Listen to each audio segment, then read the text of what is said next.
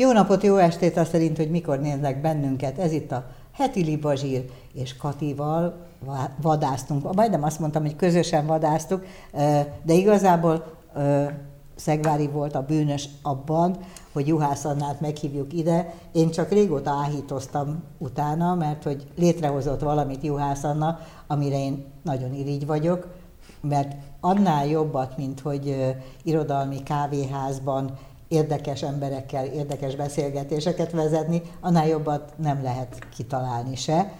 Mondjuk ez se rossz azért, amit mi csinálunk, de ott a visszacsatolás a közönségnek az öröme az direktebb, úgyhogy köszönöm szépen, hogy eljöttél, és most mindjárt le fogunk mind a ketten rohanni ilyen személyesekkel, ami nagyon nem lesz ellenedre, mert hogy az édesapja Juhász Ferenc költő, nekem életem első riportalanya volt, 14 éves koromban volt egy költészetnapja, csak ki tudom nyögni, költészetnapja alkalmából egy dedikálás a Szent István körúton.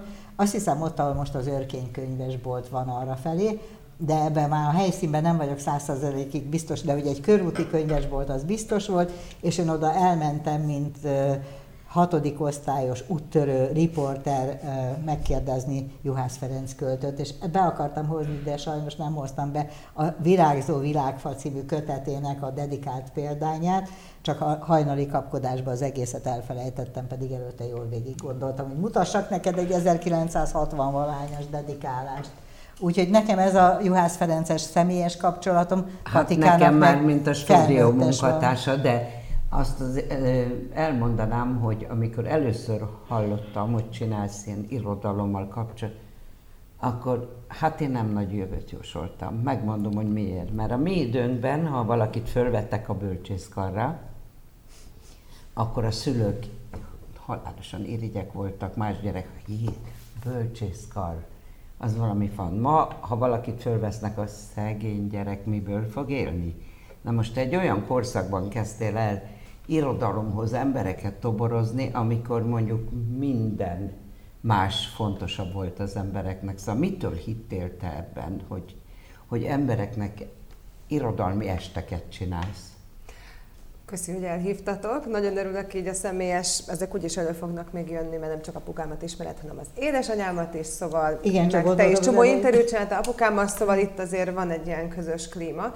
De az az érdekes, hogy nem csak te nem hittél volna, hanem hogy szinte senki nem hitt abban, amit valahogy így kitaláltam. Meg Én szerintem... szerettem volna hinni benne, Igen, csak de nagyon nehéz volt, volt, és így van, és nagyon sok mindenkinek valószerűtlen volt, mert hogy akkoriban, ez 2010-ben van, amikor most visszautazunk egy picit az első önálló projektem, még ugye akkor én már a Mekekénél, a Könyvkiadók Egyesülésénél jó pár éve dolgoztam, és nagyon szerettem ilyen nagyobb könyvásárokat szervezni, vagy utazni a magyar standokra, tehát az egy csodálatos munka volt de én úgy éreztem, hogy ami legjobban hiányzik az embereknek, ez az olasz egyetemi tapasztalatom alapján volt, az, hogy így egymás szemébe nézzünk és beszélgessünk. Tehát azok a közösségek, amiben mindent kitehet az ember, de nem csak beszélünk róla, hanem tényleg mindent kihat, és csak a szöveg van, a szerző van, a produkció van, és ennek így nem volt annyira példája, a nyitott műhelyt ismerjük, ez egy nagyon klassz dolog, de én úgy képzeltem, hogy nem 50-100 emberről fogunk majd közösséget alkotni, hanem ez egy, legyen egy mozgalom. De hát ezt, amikor így elmeséltem a barátaimnak, akkor mondták, hogy Anna az irodalom senkit nem érdekel rajtad kívül.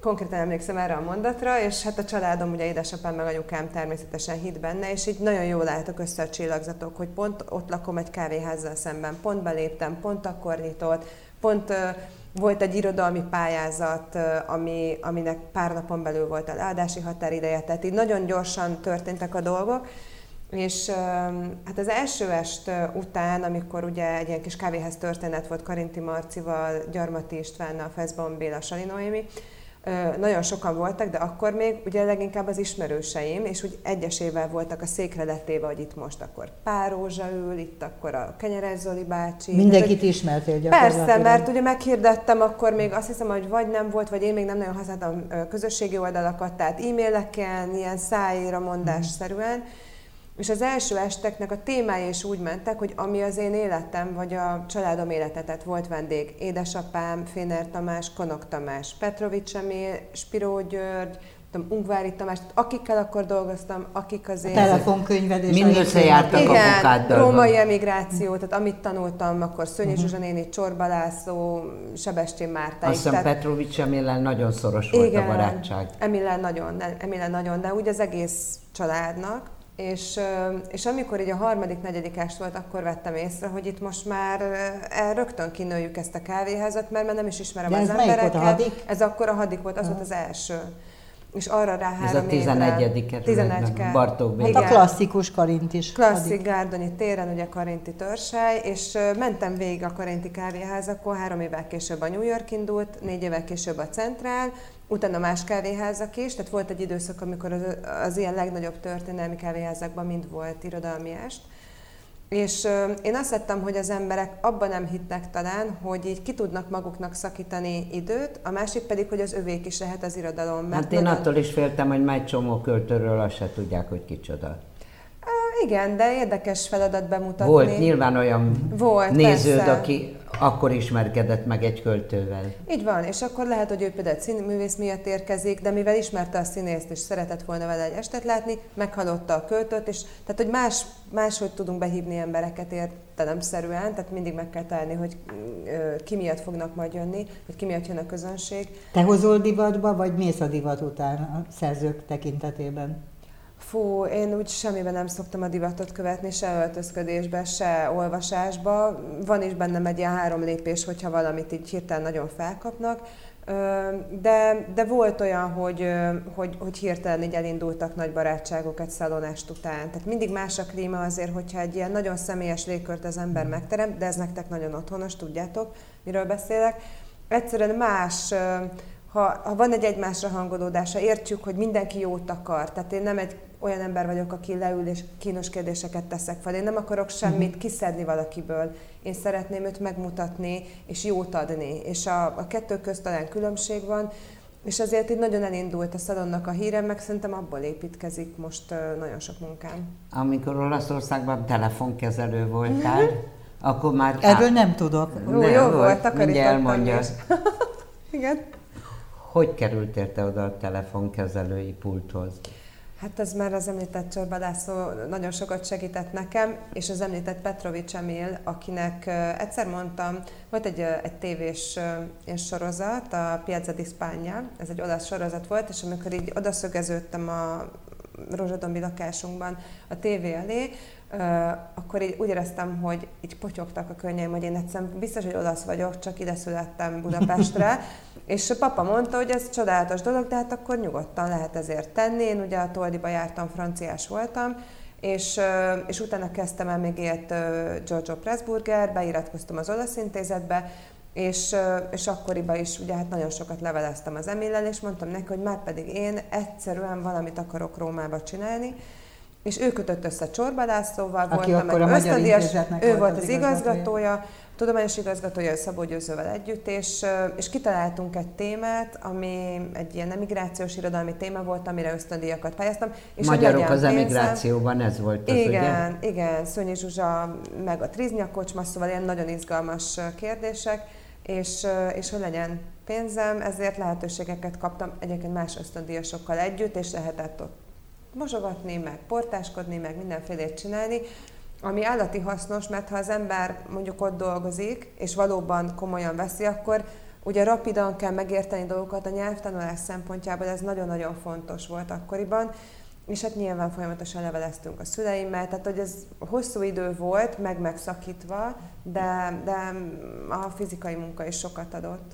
Nekem mindig, mikor olaszokat látok, meg voltam, és akkor az volt az érzésem, hogy minden olasz színművészetire járt, mert ahogy a buszon, bárhol, ahogy gesztikulálnak, ahogy mesélnek történeteket, ez, ez egy olyan mentalitás, amit gondolom, hogy hatott rád is.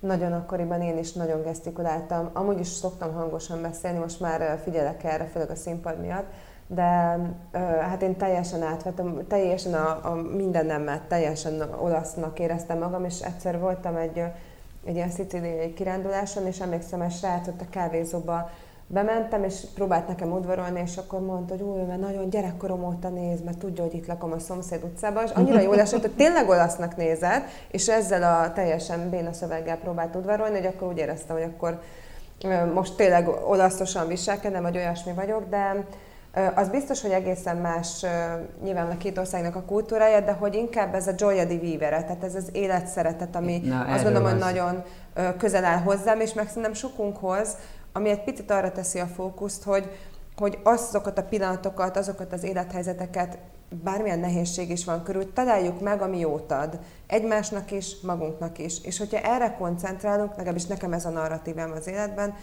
hogy én is igyekszem felfedezni a jó pillanatokat, még a legnagyobb nehézségben is, és akkor az a másikra is hatással van, és akkor egy, egy olyan élethelyzet, műsor, bármi munka tud kialakulni, ami adni tud. Jó az neked, hogy gyakorlatilag a 21. századi magyar irodalom neked már megvolt, legalábbis a kortárs, az élő kortársak, azok, azokat mind ismered, és mind, mindőjükkel beszélgettél. Mire hát, alap ezt? Csinálsz majd könyvet belőle, vagy mit?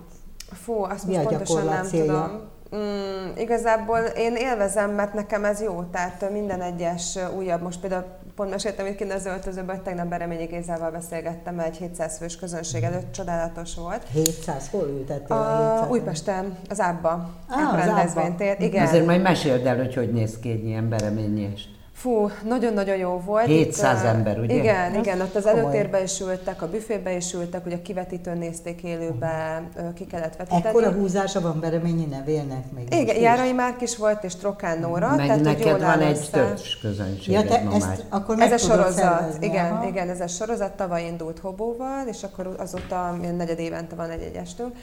És jó volt, tehát én ezt élvezem. Nekem ez egy nagy hála, hogy azt csinálom, amit szeretek, de nyilván ez rengeteg munkával jár. Az, hogy sok mindenkivel beszélgettem, ezt tényleg mindig visszatudok, ti is tudjátok, tehát ez egy nagyon nagy dolog, de ez egy folyamatos jelenlétet, és újra és újra egy, egy felkészülést kíván, mert, mert mindig új helyzetek vannak, mindig új könyvek vannak, mindig új nem tudom, helyzetek az életben, megint csak ezt tudom mondani, amiben, amiben újra egymást fel kell fedeznünk a színpadon, újra össze kell hangolódnunk, és most például Gézával, Járai Márkkal voltam, fél éve Erdélybe léptünk föl Sárik Péterre, mindig más az, hogy kivel rakom össze a vendégeimet. Megpróbálod stilárisan bemérni, hogy ki áll jól Bereményinek, vagy ki az a színész, aki aki passzol az íróhoz valamilyen szempontból? Sokszor igen, és akkor ebben van, hogy... Vagy Járai Márknak most húzása van a nevének, sokat szerepel, most ö, tudod, hogy ez egy előnyös párosítás. Tehát marketing dönt, vagy, ö, vagy szívbéli gondolatok, vagy egy kreatív ö, gondolkodásmód, hogy kihez kipasszol. Lehet, hogy ezzel kicsit ilyen egyedülálló, vagy ilyen kívülálló vagyok talán ebben. Én ilyen bocsinált a marketinges vagyok, de elég jól működnek a dolgok, én úgy nem hiszek a marketingben, hogy valamit egy asztalnál itt most kitaláljunk. Én abban hiszek, hogy a legkülönbözőbb emberek is, tényleg bármit gondoljanak a világról, hogyha van egy ilyen láthatatlan szavakon túli szál kettőnk, hármunk között, akkor az működni fog. Még hogyha bárki azt is mondja nekem, tényleg ilyen volt az irodalmi, hogy úgysem működik, de ha a szívünk, lelkünk vagy valamink ott van, akkor működik. A Gézáikat 19-ben ismertettem össze az említett irodalmi szalomban, a Márk egy Csetamás estet mondta, hogy szeretne nálam bemutatni, és én teljesen meglepetésből elhívtam a Gézát, meg gondoltam, hogy hát csak ott a helye, hát még Persze, csak. Cseh Tamás akkor Persze. és is pont Budapesten volt, eljött, a Márk mondta, hogy ő aznap már nem adott, mert annyira megijedt attól, hogy ott lesz. Ott Ilyenkor lesz. te bérled a termet, vagy meghívnak már tehát? Nekem sorozataim vannak, és akkor valami minimális támogatást tudok szerezni egyes sorozatra, és akkor abból megállapodom a helyjel, hogy vagy Persze, övék a bevétel, vagy én, de általában én szoktam mindent fizetni, és akkor az jó. Egy kávéháznak, vagy egy helyszínnek nagyon jó az, hogyha egy ilyen látogatott irodalmi est ott van, mert eltelt most a kezdet óta 13 év, egy időben nagyon sokan jöttek ezzel a hajóval velem, és akkor hirtelen annyira sok irodalmi dolog volt, aztán ez így lekopik, mert ebben tényleg sok munka van, és most megint nagyon kevés van Budapesten, tehát hogy ahol ez történik, azt lehet tudni, hogy az annak a helynek jó. Úgyhogy Márkék megismerkedtek, és sok azóta együtt dolgoznak, úgyhogy ez most így adta magát, hogy a Márk van, de Sárik Péter meglepetés volt, és jól működött. A 13, nehogy is, 11. kerületben nagykövet vagy, ugye? Ilyen irodalmi nagykövet. Meggyőzted a polgármestert, hogy áldozzon arra, hogy itt ez egy irodalmi központ legyen? Fú, igen, ez egy, ez egy pár évvel ezelőtti dolog, nem is tudom, hogy ez ilyen minden évben megújuló-e, de a lényeg az, hogy engem megkerestek, és nagyon örültem, mert... László Imre megkeresett? Igen, és nagyon örültem annak, hogy hogy az emberek észreveszik azt, hogy ez fontos. Tehát észreveszik azt, hogy fontos irodalomról beszélni, irodalommal foglalkozni, és akkoriban nagyon sok uh, ilyen kis videót csináltunk, adásokat vettünk föl, és én azt is érzem, hogy uh, rengeteg változás történt, de akár kerülettől függetlenül, tehát minél több ember érzi azt, hogy, hogy ez egy fontos narratíva, hogy költők életművén keresztül, vagy műsorokon keresztül, vagy színészeken keresztül kezdjük felfedezni egymást, vagy azt a teret, házat, kerületet, ahol lakunk, akkor talán egy picit arra tud változni a világ, hogy ilyen dolgok a hétköznapi beszédbe bekerülnek. Van valami sztorid, vagy több sztorid, hogy kik járnak hozzád, hogy hogy kerültek a közeledbe, mert mi szeretjük a történeteken keresztül Hogy kerültél a közelükbe? Nem feltétlenül. Igen, van az első típusú kapcsolódás, amikor ugye édesapám barátai, tehát egy gyerekkori történet, ilyen volt Eszterházi Péter, meg rengeteg író, tehát hogy vagy nálunk volt, vagy ugye ilyen könyvvásárokon ott álltam apukám mellett, és akkor ez úgy adta magát. Ez mindig változott, amikor egyetemista lettem. Nekem is azért egy picit nehéz volt az egyetem, mert nagyon sok esetben a tanáraim nálunk szombatonként otthon ültek. És ezt gondolhatjuk, hogy ez könnyű, de ez egyetlen nem könnyű, mert ahhoz, hogy valakit komolyan vegyenek, és ne kelljen nekem senkit meggyőznöm, hogy én ugyanúgy, mint te, vagy te a saját életemet élem, a döntéseimet Persze. hozom, és csak akkor érünk el eredményt, ha megdolgozunk érte, ebben nincs kivétel, bárki, bárkinek lehet a gyereke, de az én vizsgáimra négy-ötször több tanár bejött, mert kíváncsi volt, tehát állandóan vizsgadrukban voltam, hogy még hány ember jön be, hogy meghallgassa, hogy mit tudok Balassi Bálintról. Na mindegy, úgyhogy az ott nehéz volt, és most egy újabb szakasz van, épp meséltem neked, Kati, hogy most például a Sipos tanár úrral dolgozom együtt már tavaly is, aki nekem egy tanárom volt. Igen. Lajossal. Tavaly ugye Tamási Áront tettük fókuszba, aki ugye édesapámnak szinte az ilyen pótapukája volt, Sipos tanár úrnak pedig hát az egyik fő témája. Idén Babicsal fogunk foglalkozni, akinek szintén kerekéfordulója van. Tehát ez megint egy új dolog, hogy most meg De én most segítem őt. a könyvét? Igen, igen, igen, tehát én segítem őt, vagy együtt csinálunk egy kiállítást, együtt kigondoljuk, egy picit moderálom azt, hogy ez hogy is történjen, de, de számos olyan vendég van, akinél egyszer megváltozik a viszony azáltal, hogy gyerekkoromban ismert, hogy megsimogatta a vállam, hogy jaj, de ügyes vagy Andácska, meg milyen kedves vagy, de jó, hogy itt vagy, és felnőttként pedig nekem kell megmutatnom. Milyen szép nagyra nőttél, Andácska. Nagyra nőttél, és hogy az a klíma, amit én adok, az neki komolyan vehető, és az neki fontos, és hogy ott odahozom neki és a házigazdája vagy annak, hogy a, a, a könyveinek a forgalmazása az jól működjön. Így van, hisz egy, nekem ebben nincs hasznom, 700 igen. fős teremben igen, igen, igen. lesz 4, 4, 5, 40, 50, azt szerint, hogy mennyire komolyan veszitek egymást, és mennyire jó a te kínálatod, az, a, az eszmei kínálatod, hogy ott potenciális könyvvásárlók ülnek, és akkor Persze. ott nő az ő forgalma. Nem Igen, a... meg a, az életbiztonsága, tehát azt gondolom, hogy mindig más művészeti ágban azt kell megtalálni, hogy neki tényleg mitől lesz jobb, és nekem ugye nincs úgy termékem, nekem a termék az a találkozás lehetősége, nekem az a siker. Hát meg a te ambíciód mondjuk. Hát meg az, hogy... Azért nem biztos, hogy mindig olyan egyszerű volt ezekbe a kávéházakba bejutni. Ó, nem, nem, nem. Se be, se ki, tehát ezek nehéz dolgok, meg ugye alapvetően Volt, bármilyen... aki ugye elutasított, köszönjük, nem kérünk irodalmat? Volt, persze, igen, igen, igen. Meg, meg nagyon sok esetben ez is teljesen érthető, egy-egy helyszínnek más a célja, más a modellje. Ő pénzt szeretne, hát persze. én pedig nem. Tehát én nem pénzért dolgozom, hanem azért, hogy, hogy valóban meglássam az emberek tekintetében azt, hogy ő olvasóvá válhat. És nekem nem elitklubban van, tehát én nem kiválasztok embereket, hanem úgymond, csak ezek, nem szeretjük ezeket, az utca embere, de hogy mindenki a közönségem, tehát azt a hangot kell megtalálni, hogy én ne egy, egy ilyen ö, csillogó díva legyek, hanem egy ember, aki ott ül és megkérdezi a másikat azon a nyelven, azon a, abban a stílusban, mhm. amit mindenki ért. Mennyire számít az, hogy te egy rajongó vagy, te egy rajongó olvasó vagy? Tehát akkor, amikor beszélsz a, a magyar irodalom nagy személyiségeivel, akkor hogy mondjam, csak a saját ízlésvilágod, az meghatározó-e, az, hogy, hogy hogyan nyűgözöd le őket, hogy veszed le őket a lábukról, az mennyire Fú, nagyon. Ö, nem tudom, én szeretek így előtalálkozni ö, és beszélgetni. Most két példát hozok. Az egyik pont ugyanitt Újpesten, amikor Spiro Györgyel és Désre szóval beszélgettem, ugye a legutóbbi könyveiről. Én neki már telefonban is mondtam, hogy, hogy Gyuri, egyszerűen annyira izgulok, hogy elmondani nem tudom, és ott a, az este előtt is már szinte ott a Désaci odajött hozzám, hogy ne izgulj, hát minden rendben lesz, szóval van ilyen, hogy egyszerűen azt gondolom, hogy az őszintesség a legnagyobb erő, és én nagyon szerettem is bevallani, hogy, hogy mi van, meg megteremteni a hangulatot, de ugyanez volt most Viski Andrással, a kitelepítéssel beszélgettünk pár napja, egy kávéházban, és, és ott is megérkezett ugye vonattal, még picit ott cseszket a városba, bejött, és mondtam, hogy András, annyira izgulok, de nem azért, mert nem olvastam, nem azért, mert nincs kérdésem, hanem mert azt szeretném, hogy jó legyen, és ez annyira sok minden múlik, és szerencsére jól sikerült, de lehet, hogy pont ezzel lehet lebontani a falat, hogy senki nem pózban van, hanem olyan, mintha egy ilyen nagy nappaliba beszélgetnénk, és, és egyszerűen csak egymásra figyelünk, és a közönségnek is az a jó, ha azt érzi, hogy ez csak egy szimpla beszélgetés. Nem bírom ki, hogy ne kérdezzem meg, hogy mikor írtál először verset. hát egy versem van, én vagyok az Anna, aki nem egy kanna. Iszonyú cikk, hogy ezt most itt elmondtam ebben az adásban, lehet, hogy kivágjátok. nem vágjuk. Apukám nem. csak nem vágjátok ki? Rendben vállalom, de ne ezzel promózom. De hogy van Apukám ez? így becsukta az ajtót.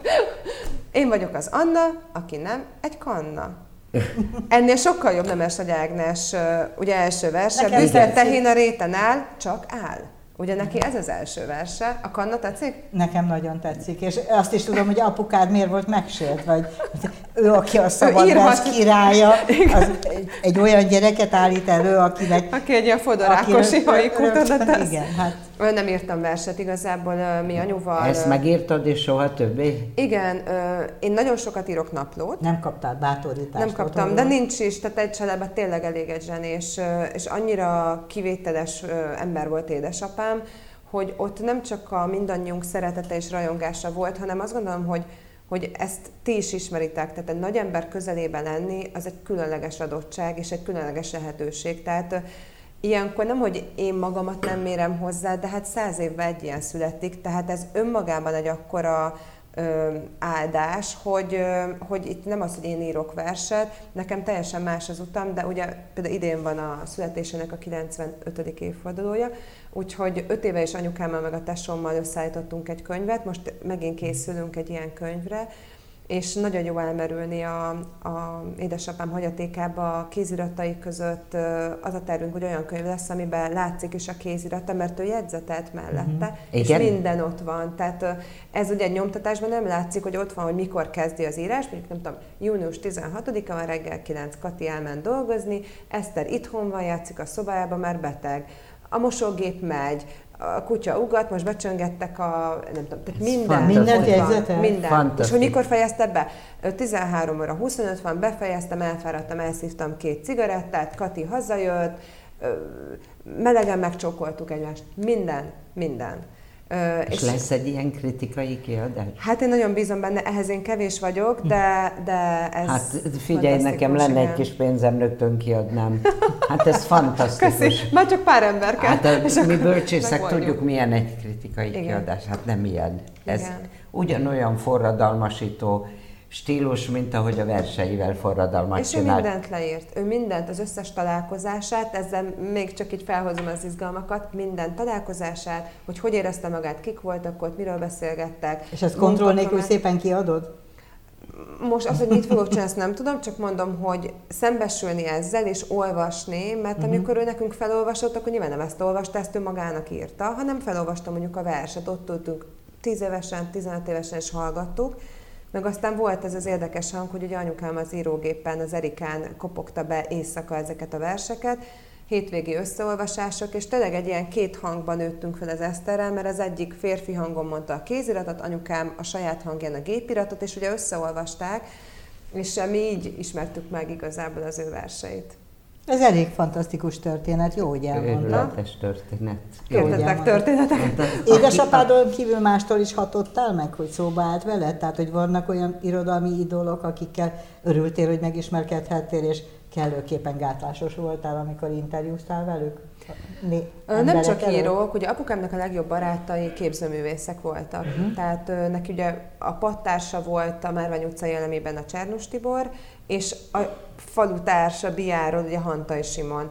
Az első fő barátságaink a tesommal, Eszterrel, ők voltak, mert jártunk ki hozzájuk Párizsba. És mind a kettő nagyon hasonlított édesapámra, mind a kettővel levelezett, mind a kettővel rendszeres heti beszélgetéseik voltak, de amikor személyesen beléptünk Hantai Simon műtermébe, ahová igazából alig járhattak emberek, vagy Tiborhoz, meg Katihoz a feleségéhez felmentünk, akkor éreztük, hogy egy, egy kicsi otthon van itt Párizsban, mert ugyanúgy fogadtak tényleg picikorunk óta, mint a gyerekek, és emellett említettük Emil, tehát ezért vele leveleztem is, és nagyon fontos ember volt számomra, ugyanígy Konok Tamás nemrég halt meg, és Igen.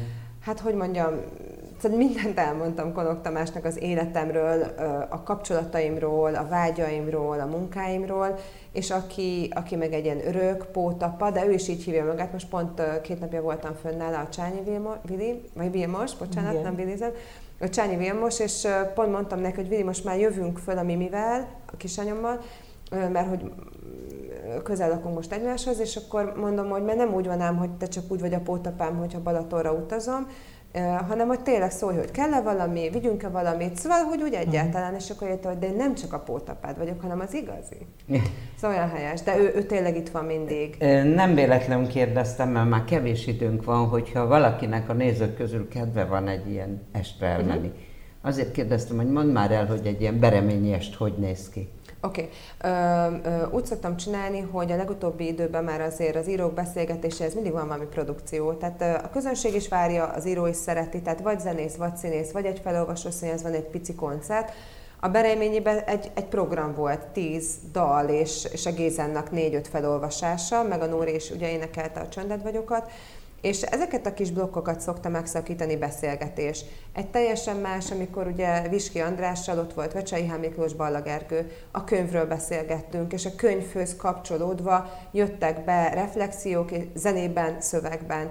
Most lesz egy vendégem Hesznával, Hidas Judittal és Pelső Cirékával. Ott is egy könyv a kiindulás, Judit legutóbbi könyve, de, de nyilván Heszna kapcsán azért a bátorságra nagyon sok szó lesz, lépni, nem lépni az életünk bármilyen területén, és Réka fog felolvasni. Tehát mindig van valami kisebb-nagyobb produkció. Márciusban majd Fodorákos lesz, úgyhogy azt is már nagyon várom, mert nagyon szeretem, és azt a feleségével, a Hédivel együtt szervezzük.